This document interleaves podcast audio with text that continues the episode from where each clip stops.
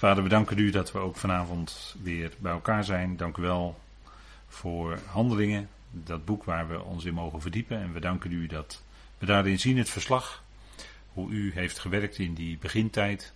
We danken u dat u Israël op het oog heeft, nog steeds. En dat u in de afgelopen 2000 jaar de gemeente roept. En dank u wel dat wij ons daarbij mogen weten.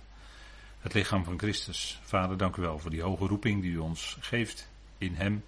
We danken u dat we uitzien naar het moment dat de bazuin klinkt. We danken u dat we ook deze versen van handelingen met elkaar mogen overdenken. Geeft u daarvoor wijsheid en inzicht, leiding door uw Heilige Geest en dat we door het spreken heen tot opbouw mogen zijn van ons geloof en bovenal tot lof en eer van u. En dank u wel dat u ook door uw woord in ons hart werkt. Dat we ons mogen verheugen over wie u bent, die grote God, die het plan uitwerkt en tot uw doel gaat komen, Vader. We danken u dat u dat doet. En dat we in afhankelijkheid van u ook zo deze avond mogen zijn. We danken u daarvoor in de naam van uw geliefde Zoon, onze Heer Christus Jezus. Amen. Goed, wij eh, kijken naar uh, handelingen 10 en we gaan gewoon maar verder waar we gebleven waren. En dat is in vers 24 inmiddels. En we zien hier in het kleine stukje structuur op deze dia. En dan ziet u een eh, fotootje, een mooi fotootje van een klassiek aquaduct, zoals dat heet. Een bovengrondse waterleiding, die had je in die tijd. En door de Romeinen gebouwd, waarschijnlijk. En daar zien we vanaf vers 24 in die structuur. Petrus arriveert in Caesarea. Er waren mensen vanuit uh, Cornelius gekomen om hem daar op te halen. En hij gaat mee, arriveert daar. Hij komt bij Cornelius. Cornelius gaat vertellen. We zien in de volgende versen vanaf vers 34 de gehoorzaamheid van Petrus. En dan de laatste stukje. En misschien dat we daar vanavond ook nog aan toe komen. Peters gezicht, wat hij gezien had. U weet wel, met die lakens aan vier hoeken naar beneden. Met al die reine en onreine dieren erin. Daar zijn we de vorige keer ook mee bezig geweest. Wat God reinigt, Peters gezicht vervult. Dus we gaan maar kijken wat dat uh, te bieden heeft. Het eerste stukje, daarvan is ook een stukje structuur. Petrus komt in Caesarea. U ziet het op deze slide allemaal uitgeschreven voor u. Petrus, Cornelius bereidt voor. Petrus wil niet aanbeden worden. Petrus treft velen aan bij Cornelius. Petrus gaat op de uitnodiging in. En de reden van de komst van Petrus. Goed, we gaan maar kijken wat er staat. Vers 24. Vers 24a zelfs. In de volgende morgen dan kwam hij binnen in Caesarea. Hij was vergezeld met zes mensen. Vanuit Joppe naar Caesarea gekomen. En Joppe, dat moet toch, denk ik, bij uh, Petrus, die ook wel iets wist natuurlijk van de Hebreeuwse schriften, van Tenach. Joppe was de plaats waar Jona gekomen was toen God hem riep om naar Nineveh te gaan. En u weet wat het liedje zegt dan. Jona die zei nee. Ik ga niet mee, ik ga niet naar die stad, enzovoort, hè, dat liedje.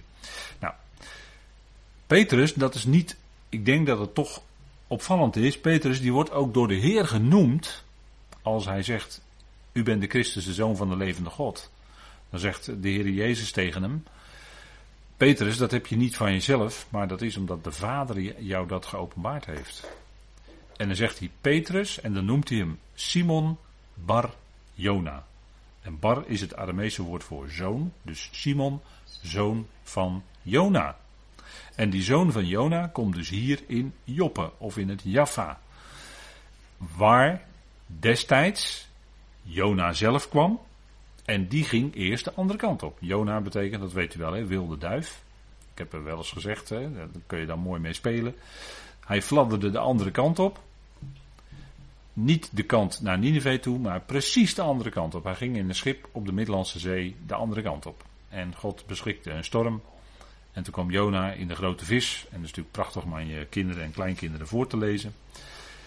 Want die vinden dat een, prachtig verhaal natuurlijk. Jona, en die komt in een hele grote vis terecht. En die vis die spuugt hem weer uit enzovoort. Dat vinden ze allemaal prachtig. Maar zo ging het met Petrus. Die kwam dus ook in Jaffa terecht. En misschien was Petrus, ja, die had het er moeilijk mee. De Heer moest hem overtuigen u weet wel, op dat negen uur kwam dat laken naar beneden met die reine en onreine dieren tot vier keer toe. Of tot drie keer toe geloof ik was het. Kwam dat laken naar beneden en uh, de Heer zei, wat ik rein verklaar, moet jij niet voor onrein houden Petrus. Dus Petrus had er ook moeilijk mee dat hij naar, want Nineveh was natuurlijk ook naar het buitenland. Dat was ook de Assyriërs. Dat lag daar natuurlijk in het noorden, hè, Nineveh. En net als Jona had Petrus waarschijnlijk ook wel heel veel weerstand om daar naartoe te gaan. Kijk, en daar zie je dus overeenkomsten. En de Heer overtuigt dan Petrus om toch door een gezicht mee te gaan. En hij ging mee en hij kwam in Caesarea. En we zien hier op dat kaartje, kunt u dat prachtig zien. De reis die ze hebben afgelegd was aan de grens van de Middellandse Zee. En dat was eigenlijk ook typisch de plaats waar Petrus nu terecht kwam. De Heer had gezegd: Jullie zullen mijn getuigen zijn in Jeruzalem, Judea, Samaria en het uiterste. Hè, dan staat er in het Grieks het woord eschaton. En het laatste of het uiterste van het land. En daar is Petrus hier gekomen, aan de grens. Want hij is dicht bij de zee. En natuurlijk is dat typologisch, heeft dat ook zo zijn betekenis. Maar daar komen we nog op. Wat dat betekent.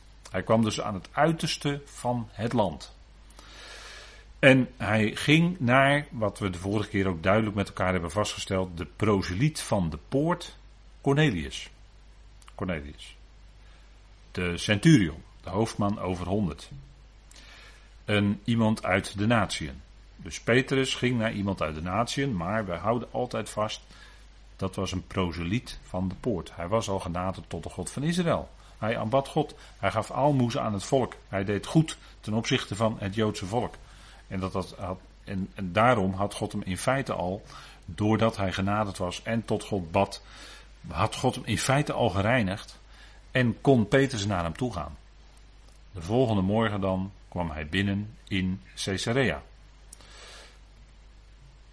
Dan in het vervolg van het vers, en dat is ook de volgende slide die ik uh, voor u heb. Cornelius nu hoopte op hen. Er staat, uh, ja, sommige vertalingen hebben wachten op hen, maar eigenlijk staat hier hoopte op hen.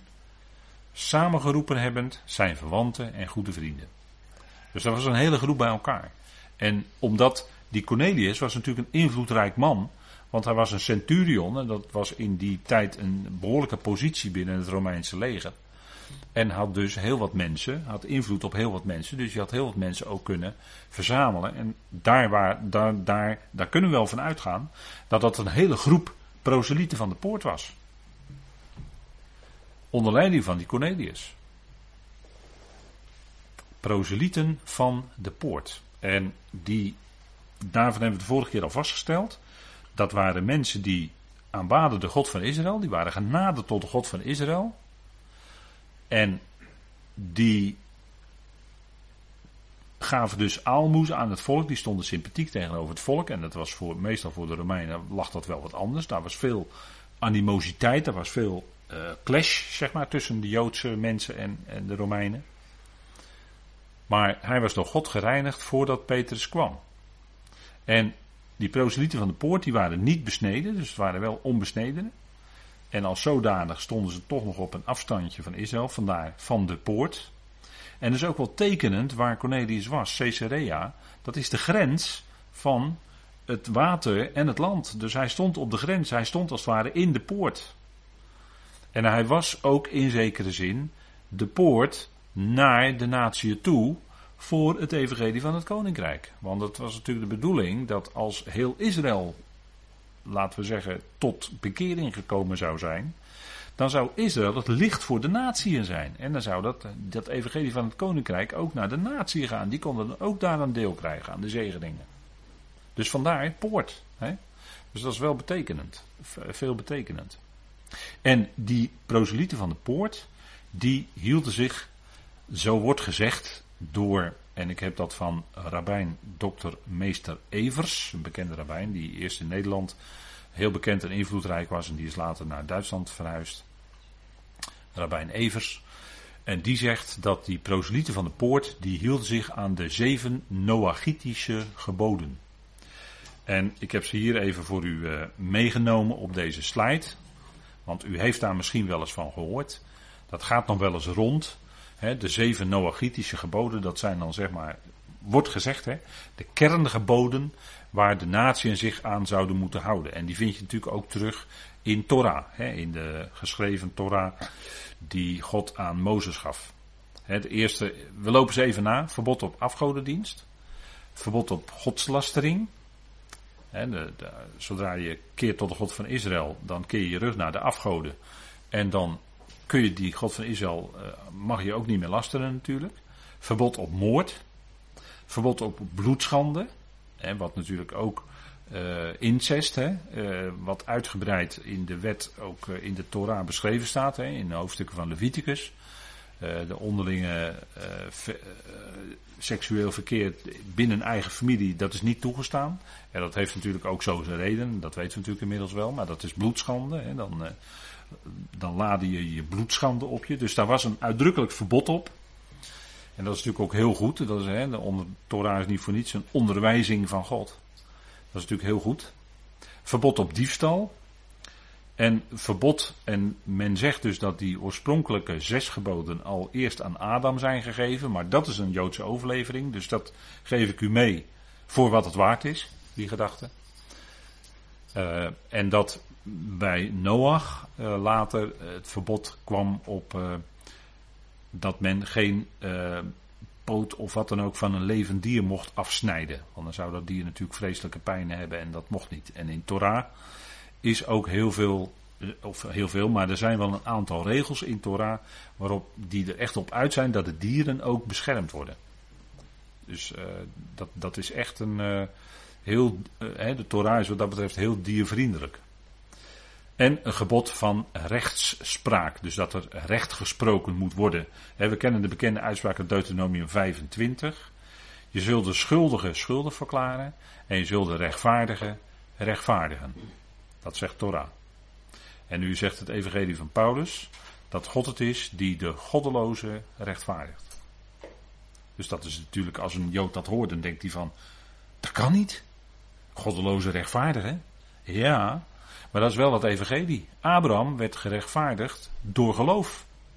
En door niets anders dan dat. En geloof heeft geen verdiensten. En daarom wordt ook in Romeinen 4 door Paulus gesproken over de rechtvaardiging van de goddeloze. degene die niet eerbiedig is, degene die niet God vereert, dat hij tot geloof komt. Ook al is het een pure heide die helemaal niks van de God van Israël weet.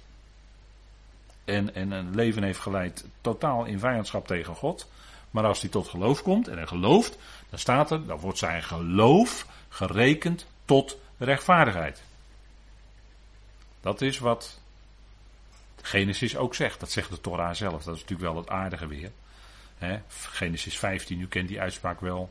Als de Heer zegt, Abraham, kom eens uit je tent. En dan laat hij hem al die sterren zien. En dan zegt hij tegen Abraham, zo zal je nageslacht zijn, zo talrijk. En aan de staat er zo eenvoudig. En Abraham geloofde God en het werd hem gerekend tot rechtvaardigheid. Dat is natuurlijk wel geweldig, hè? Dat het genade is. Het is, eh, helemaal geen enkele verdienste. Abraham had helemaal geen verdienste in Genesis 15. Hij hoort alleen wat God zegt. God doet verder ook niks. Die spreekt alleen. Abraham luistert. En hij gelooft dat. En dat geloof wordt hem gerekend tot rechtvaardigheid, notabene. Terwijl hij niks deed. En dat is nou precies het evangelie. En daar begint Paulus mee in Romeinen 4. Voorbeeld van Abraham. Het geloof van Abraham. Nadat hij gesproken had over het geloof van Jezus Christus hè, in Romeinen 3. Ja, daar gaat het allemaal om. Dat heeft geen verdiensten. Maar de rechtspraak zei, om daar even tot terug te keren, Deuteronomie 25. Je zult de schuldige schuldig verklaren en de rechtvaardige zul je rechtvaardigen. En dus op zich genomen is dat natuurlijk ook zo. Is dat ook rechtvaardig? Nou, daar hielden volgens Rabijn Evers de proselieten van de poort zich aan. En dat geef ik maar even mee, gewoon dat u weet dat dat mogelijk zo is of was. We gaan verder naar Handelingen 10, vers 25. Toen het nu gebeurde dat Petrus binnenkwam om hem tegemoet te komen, viel Cornelius aan zijn voeten en aanbad hem. En dat gebeurde wel vaker. Ik heb de tekstverwijzingen erbij gezet. In openbaring 19 hebben we dat ook gezien. Hè? En openbaring 22, nog recent bij de studies van openbaring. Dat Johannes neervalt aan de voeten van de boodschapper die hem allerlei dingen laat zien. En dan wil hij als het ware die boodschapper aanbidden. En die reageert dan: Je moet mij niet aanbidden. En dat gebeurt hier in feite ook. Hè? Petrus is de boodschapper van God. Jazeker, hij is een apostel. Zeker. En Cornelius die heeft diep, diep ontzag en respect voor hem. een Joodse leider. De Joodse leider van de besnijdenisapostelen. Nota bene kwam bij hem. Cornelius was zich dat goed bewust. En hij viel op zijn voeten en wilde hem aanbidden. Maar daar reageert Petrus op op dezelfde manier. Als dat die boodschapper ten opzichte van Johannes in openbaring reageert. Maar wat is daarna gebeurd? In die grote kerk, weet u wel, die, waarvan de leider zegt: Ik ben de opvolger van Petrus. En waar veel gelovigen graag papa tegen zeggen. Maar dat is ten onrechte. Want we zouden alleen tegen God, vader, zeggen in die zin. Behalve dan tegen onze eigen vader. Hè, van, van natuur, van natuurlijke, in natuurlijke zin. Maar er zijn heel veel mensen in die grote kerk die dan papa tegen die leider van die kerk zeggen. En die, en die hem als het ware, als hij als dan komt, dan wordt hij rondgereden in zo'n auto. En dan, dan zie je dat ze hem vereren. Van, hij komt langs en geweldig vinden ze dat vandaar dat ik er even op heb gezet. Dat doen zeer velen wel voor de opvolgers, de zogenaamde opvolgers van Petrus. En, en uh, dat, is, dat is natuurlijk. Uh, uh, daarvoor heeft natuurlijk in, in, die, in die kerk heeft natuurlijk een geschiedschrijver. Ik heb hem al eens genoemd, kardinaal Baronius, eind 16e eeuw. Die heeft een hele anale ecclesias, ecclesiasta heet dat heeft hij hele geschiedenis geschreven vanaf het begin van de kerk. En daarin zegt hij ook dat hier Petrus, die was dus de sleuteldrager natuurlijk. En, en die kerk is natuurlijk helemaal verweven geworden met die koninkrijksgedachte. dat loopt heel wonderlijk in elkaar over allemaal. En, en daarom wordt Petrus ook uh, in die kerk uh, heel belangrijk geacht. En de, de, de leider is dan de opvolger van Petrus. En ja, nou ja, Paulus, ja, dat is maar moeilijk allemaal. Paulus gooit eigenlijk altijd een beetje roet in het eten. Hè? Maar dat, dat gebeurt dus, hè? Dit, dit is heel tekenend. En, maar ik denk, ik, dat, ik weet niet of altijd die reactie van Petrus dan ook meegenomen wordt in die kerk. Want wat zegt Petrus dan tegen hem? Petrus echter richtte hem op, zeggend: Sta op. Ook ik zelf ben een mens. Dus even, even nuchter, even stellen hoe het echt is. Ik ben ook maar een mens. Ik ben apostel, goed, maar ik ben een mens. Net zoals jij, Cornelius. Dus je hoeft mij niet. Nee, je zou alleen God aanbidden. Petrus was de voornaamste apostel van de besnijdenis. En natuurlijk, kijk, Petrus, en ik denk dat het toch goed is om dat toch weer eens duidelijk te zeggen. Petrus is geen lid van het lichaam van Christus. En dat blijkt ook, want hij zit te zijner tijd op een troon om een stam van Israël te richten. Dat is wat de Heer zei. Hè? Jullie zullen, die twaalf, en natuurlijk is later Judas, daar is Matthias voor in de plaats gekomen. Maar jullie zullen zitten op twaalf tronen om de twaalf stammen van Israël te richten. Ook Petrus dus. Dus Petrus gaat niet naar de hemel. En dat is misschien wel verbijsterend voor sommigen. Petrus gaat niet naar de hemel. Nee, Petrus blijft op aarde. Hij zal opstaan bij de opstanding van de rechtvaardigen. En dan is hij op aarde in de wedergeboorte. En dan zal hij zitten op een troon om de stammen van Israël te richten. Dus Petrus hoort absoluut niet bij het lichaam van Christus. En natuurlijk, eh, daar zijn wel soms wel eens gedachten in die richting, dat kan. Maar dat, dat kun je niet volhouden hoor, op grond van de schrift. En ja, er zijn natuurlijk best wel hè, te zijn tijd, in, in, misschien in de gang van de Efezebriefstudies, zullen we dat best nog wel eens tegenkomen. En dan kunnen we ook wel dingen laten zien uh, waar, waar sommigen menen dat te kunnen baseren, maar dat het gewoon toch niet houdbaar is, als u het mij vraagt. Nou, Petrus die richt hem op en die zegt: Ik ben ook maar een mens. Petrus had gekregen de sleutels van het koninkrijk van de hemelen. En het koninkrijk van de hemelen is dat koninkrijk wat uit de hemelen op de aarde komt. En Petrus zal zitten op een troon om te richten een stam van Israël. Dat is wat de Heer zegt. Dat gaat hij ook doen in de wedergeboorte. Ik bedoel, daar is, daar is niet, dat is allemaal niet zo moeilijk, denk ik. En Paulus was een andere apostel. Dat gaan we ook nog zien in dit gedeelte. Paulus was een andere apostel met een unieke bediening, met een hele andere lijn enzovoort. En met hem besprekend kwam hij binnen en vond velen samengekomen. En dat heeft Petrus misschien toch wel een beetje verrast. Kan ik me zo voorstellen. Hij niet gedacht had dat er zoveel mensen bij elkaar waren. En daar waren, mogen we van uitgaan, heel wat proselieten bij. Omdat ze hem opwachten. Hè. Eh, Cornelius had ze verzameld in zijn woning. En dat zal best een royale woning geweest zijn. Dus er waren heel wat mensen aanwezig. En Petrus ging dan spreken, ze wachten hem. Kijk, die proselieten van de poort, wat verwachten zij? En dat kon ook niet anders dan dat in die tijd. Wachten op de zegen via de zegen van Israël. Wat ik, wat ik daarnet zei van uh, Israël, hè, Jezaja 49 staat dat. Israël is, is uh, aangesteld als licht voor de natieën. En dat weten ze heel goed. En dat bijvoorbeeld een rabbijn hè, van het Tempelinstituut, die heeft ook studies, als je die website opzoekt van het Tempelinstituut, en dat is volkomen terecht. En die studies die heten Light of the Nations. Hij heeft helemaal gelijk, natuurlijk. Israël is het licht voor de natie. Dan staan, als ze dat uitdragen, die Torah, dan, dan doen ze wat de schrift ook zegt. Dus in die zin heeft ze dan helemaal gelijk. Natieën zouden via Israël, eerst zou Israël gezegend worden en via Israël zou die zegen naar de natie gaan. Dat was altijd Gods weg. En dat is ook in het komende koninkrijk Gods weg. Die onderbreking van 2000 jaar of van twee dagen, dat is een onderbreking van twee dagen, maar op de derde dag zullen zij herleven, zegt Hosea. En die derde dag die is nou al bijna aan begonnen. Hè? Die is bijna begonnen. Nog eventjes. En wij ontvangen zegen, en dat is heel wat anders. Hè? Als je dat contrast even, die lijntjes weer naast elkaar zet. Wij ontvangen zegen, niet omdat Israël nu gezegend wordt, nee, wij ontvangen zegen omdat Israël gestruikeld is. Zie Romeinen 11. En tijdelijk, voor hun bediening als licht, zijn ze op een zijspoor gezet. Israël is nog steeds Godvolk. Maar wat betreft het licht voor de natie zijn, zijn ze Loami. Ze hebben, hè, ze, ze hebben niet, niet dat contact met God. Zoals de gemeente liggen van Christus nu mag hebben. En zoals ze dat zullen hebben in de komende aion weer.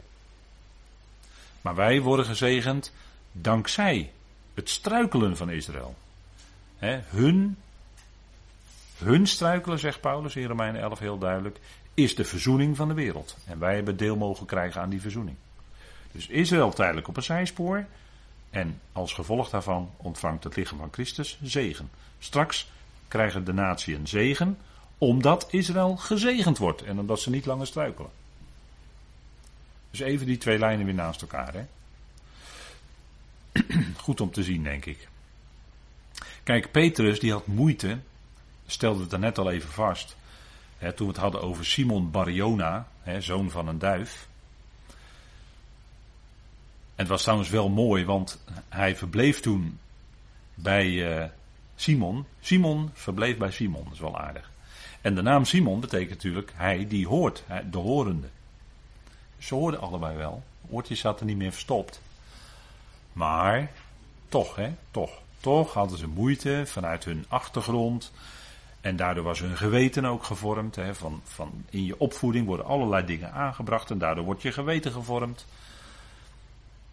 En als je geweten dan als Jood gevormd is, dan heb je heel veel moeite om naar de natie toe te gaan. Want wat leer je al in Leviticus?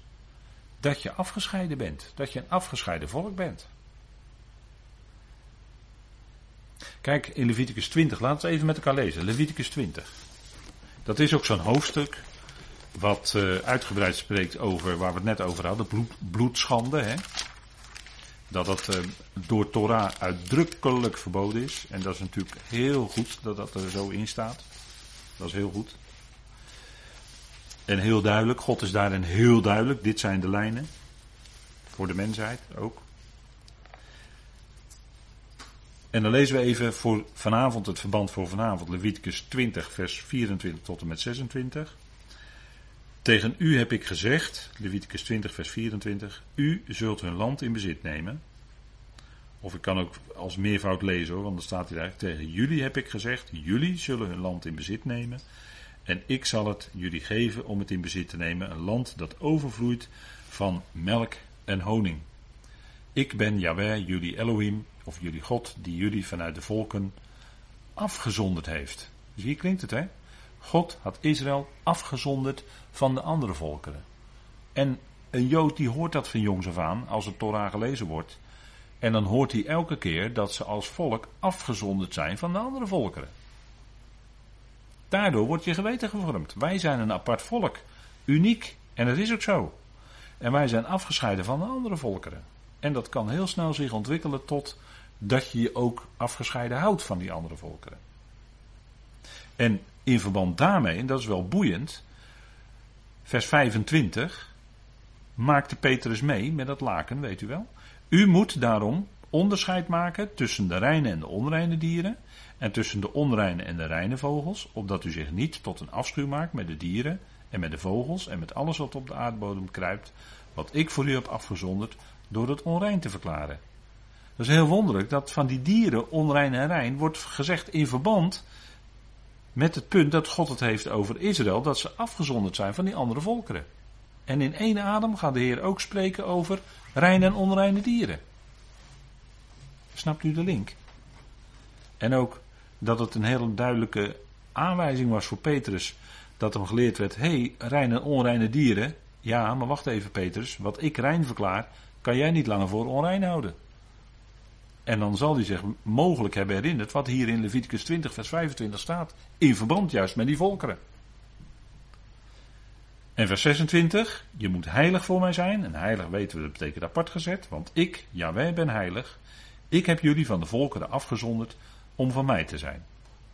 Dus even in zo'n stukje, waarin dus duidelijk gesteld wordt, Israël is afgezonderd van de andere volkeren, wordt ook gesproken over reine en onreine dieren. Hé, hey, dan moet er even een lampje gaan branden. Als dan zo'n laken komt. En dat is natuurlijk bij Peters ook gebeurd. Kijk, en die gedachte van wij zijn afgescheiden, wij zijn een heilig volk, eh, God heeft ons afgezonderd, wij zijn uniek. Natuurlijk, dat is ook zo. Maar dat leidde er in de Joodse traditie toe dat ze zich ook daadwerkelijk afgescheiden hielden. En dat ze niet of nauwelijks in contact, direct contact konden komen met iemand van de Goyim, van de volkeren. En één aanhaling uit, eh, daar kwam ik tegen in een commentaar, één aanhaling uit de Joodse traditie is van Rabbi Eliezer. Hij die met een onbesneden persoon eet, die eet als het ware met een hond. Hij die hem aanraakt, raakt als het ware een dood lichaam aan. En hij die baat op dezelfde plaats met zo iemand, baat als het ware met een melaatse. Moet je nagaan. Dat zegt de Joodse traditie. Dat zegt niet de Torah. Maar de Joodse traditie had het zo gemaakt dat het dan voor Joodse mensen die dat serieus nemen, die met die traditie opgroeien, dat ze ook dan dus nauwelijks met een onbesneden om wilden gaan. Daar hadden de rabbies in, in, in, in uh, volgorde. Hè, dit was waarschijnlijk een uh, discussie over hoe moet je de Torah op dat punt uitleggen. Hè, en dan heb je die hele Talmud en al die discussies tussen die rabbijnen enzovoort. Dat moet je allemaal leren op die yeshiva. Hè, dat is eigenlijk een Talmudschool. En dan leren ze dus al die dingen, al die tradities. En daar was Peters ook mee behept. Van uh, nee, niet omgaan met een onbesnedene, want dat is een onreine vergelijkbaar met een hond, vergelijkbaar met een melaatse zo, hè, op die manier. Moet je nagaan, hè? Moet je nagaan. Maar dat zei de Torah niet. De Torah zei wel duidelijk dat Israël afgescheiden was door God van de andere volkeren. Maar in Torah staat nergens dat ze niet mogen omgaan met mensen uit de andere volkeren. En juist dat als een vreemdeling binnen hun poorten kwam, dat ze die juist goed moeten behandelen. Dus precies andersom. Dat is in, in, in werkelijkheid de onderwijzing van God aan zijn volk. Dus dat er zo'n hoge muur werd opgeworpen, zo'n hoge dijk werd opgeworpen om naar die anderen toe te gaan. Ja, dat zat ook in Petrus zijn systeem, laat ik het zo maar zeggen. Zijn geweten was zo gevormd. En u weet hoe het in de praktijk gaat met tradities van mensen naast de schrift. Die worden in de praktijk sterker dan de schrift zelf. Dat is niet alleen in het Jodendom gebeurd, maar het is ook binnen de tradities van de kerk natuurlijk gebeurd. In de kerk is de geloofsbeleidenis in de praktijk belangrijker en wordt je op afgerekend. Is belangrijker dan de schrift. Terwijl als jij aankomt met de schrift en zegt, ja, het geloofsbeleidenis zegt dat, maar de schrift zegt dat. Dan word je afgerekend door de traditionele kerkenraden en predikanten. Op wat de traditie zegt hoor, uiteindelijk. Dat is uiteindelijk toch doorslaggevend. Volgende tekst, vers 28. En hij verklaarde aan hen: Jullie zijn ermee bekend dat het ongeoorloofd is voor een Joodse man zich aan te sluiten bij of te komen naar een andere stam. En God heeft mij getoond dat ik niemand een ontwijd of onrein mens zou noemen. Dus zij wisten, de luisteraars daar, proselieten van de poort, die wisten dat het zo zat bij de Joodse mensen. En die, eh, Cornelius gaf ook almoezen aan, aan, aan de Joden enzovoort. Maar daar was toch die afstand, want het waren toch onbesnedenen. En Joden gaan niet om met onbesnedenen. Niet, niet bij zijn huis komen, zeker niet met ze eten. Dus zij wisten dat. En Petrus die refereert daar ook aan, hè, in wat hij zegt. Een Joodse man kon zich niet aansluiten bij een, eventueel een andere stam. Hè, dus een andere. En God heeft mij getoond dat ik niemand door dat laken, niemand ontwijdt of onrein. Hè. Als God iemand rein verklaart, als God dingen rein verklaart, ja, wie zijn wij dan om dat alsnog eh, voor onrein te houden? Dat kan helemaal niet. En dat is natuurlijk ook in deze tijd het verwarrende soms voor, de, voor, voor, voor christenen en voor gelovigen. Hè, die, die dan denken dat bepaalde dingen dat ze die niet mogen, omdat het in de Torah zo staat. We, we, hebben natuurlijk wel vaker met elkaar het gehad over uh, het houden van dagen, waar Paulus in Romeinen 14 het over heeft. Het, het, gebruiken van wel of niet bepaald voedsel. Nou, Paulus die zegt, ja, je kan alles nemen, want God heeft het geschapen. Je kan alles nemen uit de schepping van God. Je mag alles eten. Geen enkele restrictie. En dat is voor mensen dan best wel eens verwarrend. En uh, we, we, houden geen Shabbat of we houden geen zondag. Nou, dan heb je christenen die houden de zondag alsof het een Shabbat is. Terwijl God nooit die zondag zo heeft ingesteld. Er zijn ook christenen die houden de Shabbat als een Shabbat. Als een Joodse Shabbat. Dus die doen ook niks op Shabbat. Die houden zich daar heel strikt aan zelfs. En waarom?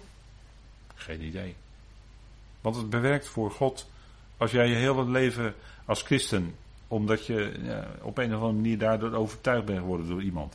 Als jij uh, tientallen jaren lang je heel strikt aan de, uh, houdt aan de Shabbat. Ja, dan kan je zeggen, ja, ik doe iets. Ik, elke week hou ik de Shabbat. Ik doe iets. Maar denkt u dat het voor God iets betekent? Het betekent helemaal niks hoor. Helemaal niks in deze tijd.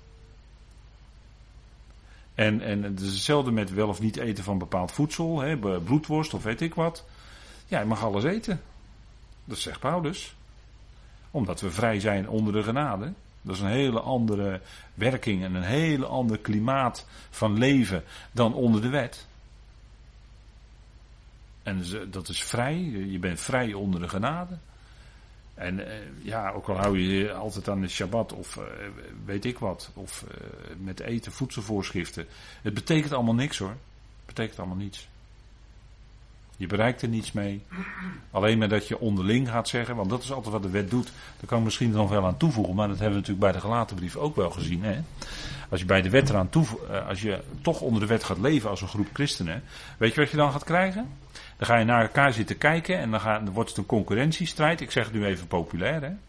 maar ik wil het wel heel duidelijk gezegd hebben. Dan komt er een concurrentiestrijd van Kijk eens, die houdt zich goed aan de, aan de regels, aan de voorschrift. Die houdt de Shabbat heel goed. Ja, die, eet, die houdt zich nog niet helemaal aan de voedselvoorschrift. Dan krijg je dus dat de een beter is dan de andere. Weet je wat het is? Is gewoon vlees. gewoon vlees. Dan ben je niet met de geest bezig, maar met je vlees. Gewoon vanuit de mens. Gewoon mens tot mens. Gewoon vleeselijk. Wel heel vroom, want je houdt je aan voorschriften die in de Bijbel staan. Dat kun je dan mooi zeggen. Maar het betekent helemaal niks hoor. En, en ieder natuurlijk, eh, als je zegt van ja, maar voor mijn geweten, dit en dat, vanuit mijn traditie, vanuit mijn opvoeding, nou goed, dat, dat kan, dat, dat is groei. En die dingen zijn best wel, soms ligt wel scherp. Hè? Dat heeft natuurlijk te maken met sterk en met zwak. En, en, en, de sterke zouden dan toch uh, met de zwakke rekening houden. Natuurlijk, dat is vanuit de liefde. Dat is natuurlijk wel een punt wat Paulus daar maakt in Romeinen 14. En ook in 1 Korinthe 8 en dat soort hoofdstukken, 1 Korinthe 8, 9, 10. Dat de, sterke dan uh, rekening houdt met de zwakke in het geloof. Zeker, zeker. Dat is vanuit de liefde. Vanuit de liefde. Maar soms is het uh, nodig om toch die dingen uh, goed scherp te stellen en te zeggen, opdat we even bewust zijn hoe, dat nou eigenlijk, hoe Paulus dat nou eigenlijk zegt. En, en Peters, die, je ziet dat Peters hiermee worstelt. En dat is misschien voor mensen ook wel herkenbaar, zo'n worsteling. Ja, dat kan, dat kan allemaal. Dat is ook een groeiproces. Peters moest daar ook in groeien. Goed, we gaan naar het volgende vers. Daarom ben ik ook, nadat ik iemand voor mij gezonden is, nadat iemand voor mij gezonden is, zonder tegenspreken gekomen. Ik vorst dan na door welk woord iemand voor mij gezonden werd. Dus we zien hier toch die, die worsteling hè, bij Peters. Kijk, hij zegt: Oké, er is iemand gekomen en er is een, kennelijk een woord uitgegaan. Iemand is gekomen op basis van het woord om mij te halen. Maar ik, ben, ik ga toch na hoe dat nou precies gegaan is. Dus u ziet hoe voorzichtig Peters toch die stapjes zet richting die proselieten. En eh, zonder tegenspreken, hij is zonder tegenspreken meegegaan. Dus hij was wel gehoorzaam aan het gezicht wat hij gezien had van God aan de stem die hij gehoord had. Dus Peters gehoorzaamde die stem van God. En natuurlijk is dat, eh, kijk, dat punt van gehoorzaamheid is ook een belangrijk punt. Gehoorzaamheid betekent dat je je stelt onder datgene wat je hoort.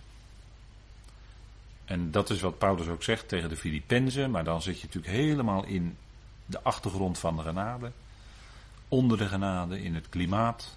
Doe alles zonder morren en tegenspreken opdat je zuiver en smetteloos bent, onberispelijk kinderen van God te midden van een verdorven en ontaarde generatie, waartussen jullie schijnen als sterren aan de hemel. Houd daarbij vast aan het woord dat leven brengt. Filippenzen 2, vers 14 tot 16 in een wat modernere, iets modernere vertaling. Maar natuurlijk, voor ons als gelovigen geldt, wij leven in genade. En we leven vanuit geloof. En we daar waar we de stem van de Heer horen, willen we die stem ook opvolgen natuurlijk. Het is de stem van de Heer. Het is de stem van de Curios. En als het de stem van de Curios is, dan is het toch zaak dat we die daaraan gehoor geven. Hè? Dat, we, dat we die stem ook gehoorzamen. En er zit nooit een, een, een eh, bij de genade, dat is, dat is het fijne van de genade. Er zit nooit een, eh, een, een stok achter de deur of zo, of dreiging. Nee, je wil gewoon die liefde van de Heer wil je beantwoorden met liefde, omdat hij je lief heeft en jij hebt de Heer lief. Daarom doe je dat. Wat hij zegt. Dat is, dat is het. En dus als je het niet doet, dan zit er geen straf achter, geen dreiging, geen stok achter de deur. Want dat is niet bij de genade natuurlijk. Je kan het niet verdienen om dan met de bazuin mee te gaan. Kan je helemaal niet verdienen. Dat is omdat je geroepen bent. En gerechtvaardigd om niet. En dat zijn natuurlijk geweldige dingen. Hè, dat je gerechtvaardigd bent om niet in zijn genade. Dat is, ja, dan is er geroepene, hè, Romeinen 8, hè, de dagstukjes. Romeinen 8, kijk, wat wordt er nou van die gerechtvaardigde gezegd? En dat is eigenlijk heel mooi. Die hij rechtvaardigt, hij met een hoofdletter, hè, die hij rechtvaardigt, die verheerlijkt hij ook. Dus we zeggen, die gerechtvaardigden, die worden per definitie ook verheerlijkt. Dus die je bent gerechtvaardigd om niet en dus word je verheerlijkt. Dus die verheerlijking komt en het geweldige is, dat ongeacht je gedrag. Ongeacht of jij nog dingetjes wel of niet fout doet. Die verheerlijking is ook gegarandeerd. Want hij, met een hoofdletter, gaat jou verheerlijken. En er is nu al een stukje heerlijkheid. Hè, er is nu al een stukje verheerlijking in je hart. Je, je ervaart die heerlijkheid van het evangelie. En dat brengt vreugde en, en, en blijdschap en, en, vrede in je hart. Nou, dat is ook een stukje heerlijkheid van God dan. Heb je nu al ontvangen. Maar Petrus, die gehoorzaamde dat wat hij gehoord en gezien had. En toch was hij steeds bezig van hoe zit nou precies? Welk woord is er nou uitgegaan? Hoe komt het nou dat ze bij me kwamen? En dat is goed. Cornelius verklaarde sinds vier dagen. Tot aan dit uur was ik aan het vasten. En op het negende uur, biddend in mijn huis, en zie, een man stond voor mijn aangezicht in een stralend kleed. Dus Cornelius vertelt hier wat hem overkomen was. En Peters die hoort dat en die zal natuurlijk verbaasd zijn van, oh is het zo gegaan? En, en Cornelius vertelt precies wat hem, wat hem wedervaren was. En het was een dag of vier geleden, op het negende uur. En was in gebed in zijn huis. En dat zijn, waarschijnlijk waren dat ook wel vaste gebedstijden. Een boodschapper Hij heeft het niet over een engel met vleugeltjes. Nee, hij had het over een man. Stond voor mijn aangezicht in een stralend kleed. dat van die vleugeltjes is er later, natuurlijk allemaal bij verzonnen. Op grond van visioenen met gerubs. En dan zag je wel vleugels en wielen en raderen en noem alles maar op. Maar hier was, als er boodschappers kwamen, hemelse boodschappers, dan waren dat gewoon alsof, ze, alsof het een mens was, een man. Stralend. En die kwam iets vertellen, een boodschap. Nou, dat, kijk, dat vier, daar kijken we natuurlijk dan naar. Want waarom staat er nou vier voor vier dagen? Waarom is het nou belangrijk dat we dat zouden weten? En het negende uur, waarom is dat nou belangrijk? Want dat, voor informatie voor ons doet het eigenlijk helemaal niet toe. Hè? En toch moet je natuurlijk dan over die dingen nadenken. Waarom staat er nou vier dagen geleden en waarom staat er nou het negende uur? En we leren uit de schrift dat het getal vier te maken heeft met deze aarde, met, de, met de wereld. Met, hè, we hebben de vier hoeken. Ik heb hier ook een plaatje opgezet van de vier windrichtingen. En er zijn natuurlijk nog wel meer kenmerken van de vier. Dat heeft te maken met deze aarde. Heeft ook te maken met de zichtbare dingen. Heeft te maken met deze wereld. Er werden twee rovers en twee misdadigers met de Heer gekruisigd. Hè? Vier met die ene. Als beeld van dat die hele wereld, dat die hele mensheid samen met hem gekruisigd werd. Ook vier, hè? En er zijn natuurlijk heel veel voorbeelden van die vier te noemen in de schrift. Maar vier heeft dan te maken dat die redding, hè, als we praten over vier, dat heeft te maken met deze aarde, de zichtbare dingen. Redding van het huis van Cornelius is verbonden met de aardse hoop en verwachting van het koninkrijk. De aardse verwachting van Israël. Daar werd Cornelius mee verbonden. Moet je eens over nadenken. Hè? Dat, waarschijnlijk dat wel de reden is dat hier vier dagen wordt genoemd. Waarom nu vier en geen vijf? Waarom vier en geen drie? Nee, vier. Die redding van Cornelius die was verbonden met het heil van Israël. Nou, dan hebben we negen, het negende uur. En als je dat nagaat in de schrift, dan heeft het getal 9 heeft een, eigenlijk een dubbele betekenis. 9 heeft te maken met het gericht. En 9 heeft te maken met iets dat beslissend is. En natuurlijk zegt u van een gericht is ook beslissend. Ja, klopt. Maar er zijn ook wel eens dingen die beslissend zijn en die niet per se een gericht zijn. Bijvoorbeeld, als je het hebt over gericht, en u zou lezen in Haggai 1, vers 11 dan wordt er gesproken over Gods gericht. Waar het gericht van God overkomt en dan worden er negen dingen genoemd. Uw land en uw akker en of, uh, uw, uw, mensen en uh, noem maar op. Zoek het maar eens op, Haggai 1 vers 11. Negen dingen. Gericht van God. En dan ben je nog net niet aan de tien, want bij tien is er een volheid gekomen van het woord. Dat is weer een ander moment. En als het gaat om iets wat dat beslissend is, dan lees je bijvoorbeeld in Korinthe over negen gaven van de geest. Die waren toen nodig en beslissend om die gelovigen verder te brengen. Die waren bevorderlijk, wordt ervan gezegd. Later lezen we over negenvoudige vrucht van de geest. In tegenstelling tot de werken van het vlees waarbij juist een, heel, juist een hele aardse gebondenheid blijkt. Maar die vrucht van de geest die is beslissend voor gelovigen en die werkt. Negen gaven en een negenvoudige vrucht. En het gaat in wezen in onze tijd veel meer om die vrucht dan om een eventuele gave.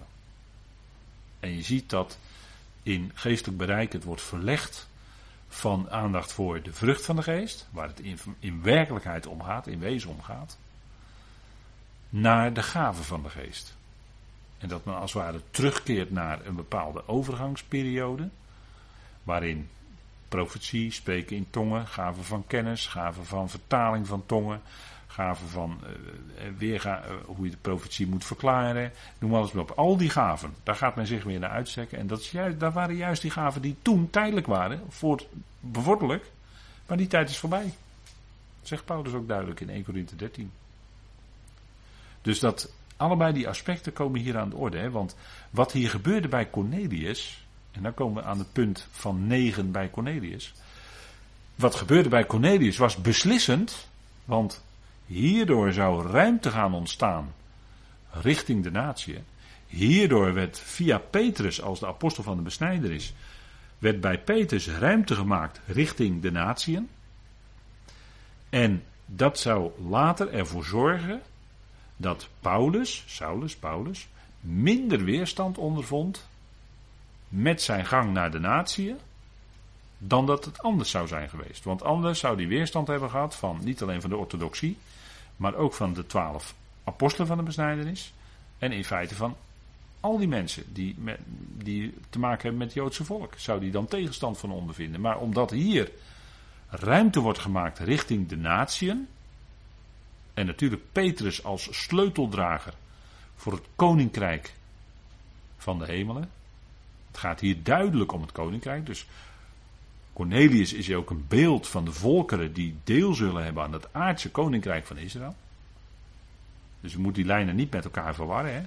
Cornelius werd niet toegevoegd aan het lichaam van Christus. Nee, hij was een beeld van de volkeren die toe zouden treden tot de zegen van Israël in dat aardse koninkrijk. Dat is helemaal hier de lijn. We bevinden ons niet hier op het terrein van Paulus, die de gemeente uitroept, het lichaam van Christus. Nee, hier gaat het om Petrus, vanuit zijn sleuteldragerfunctie van het koninkrijk van de hemelen. En hij opende hier de sleutel, met de sleutel opende hij hier voor Cornelius van de natie richting dat koninkrijk. Nou, ik denk dat dat duidelijk mogen zijn, hè, dat we die lijnen goed met elkaar onderscheiden. En hij verklaarde, we gaan verder in vers 31. En hij verklaarde, Cornelius, jouw gebed is verhoord. Jouw aalmoezen zijn herinnerd voor het aangezicht van God. En u weet nog wat een aalmoes is, hè? Dat hebben we de vorige keer met elkaar besproken.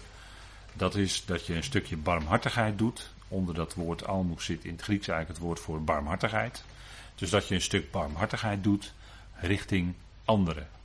En hij gaf aalmoezen ook aan Joodse mensen.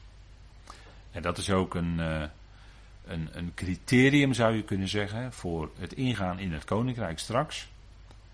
Wordt Matthäus 25, daar, daar zullen we dan na de pauze nog wel even op terugkomen. Maar wordt Matthäus 25 ook als criterium belangrijk?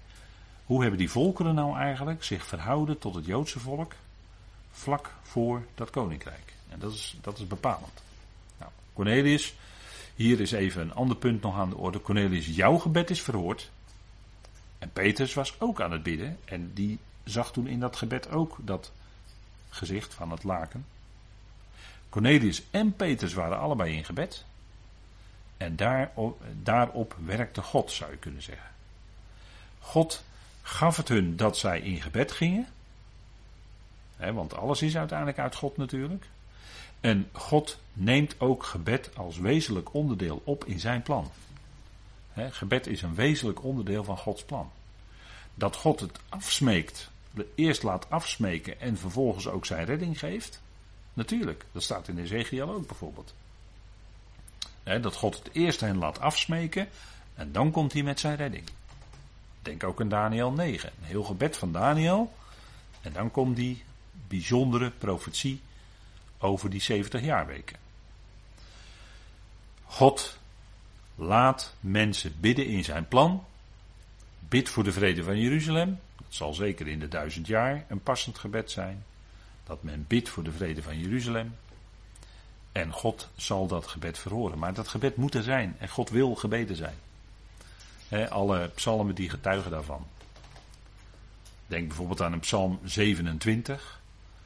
dat is natuurlijk een geweldige psalm die begint prachtig met Yahweh is mijn licht en mijn redding. Wat geweldig is dat, hè? Yahweh is mijn licht en mijn redding. God geeft licht in jouw leven en God is ook jouw redding. Dat klinkt luid en duidelijk in Tenach.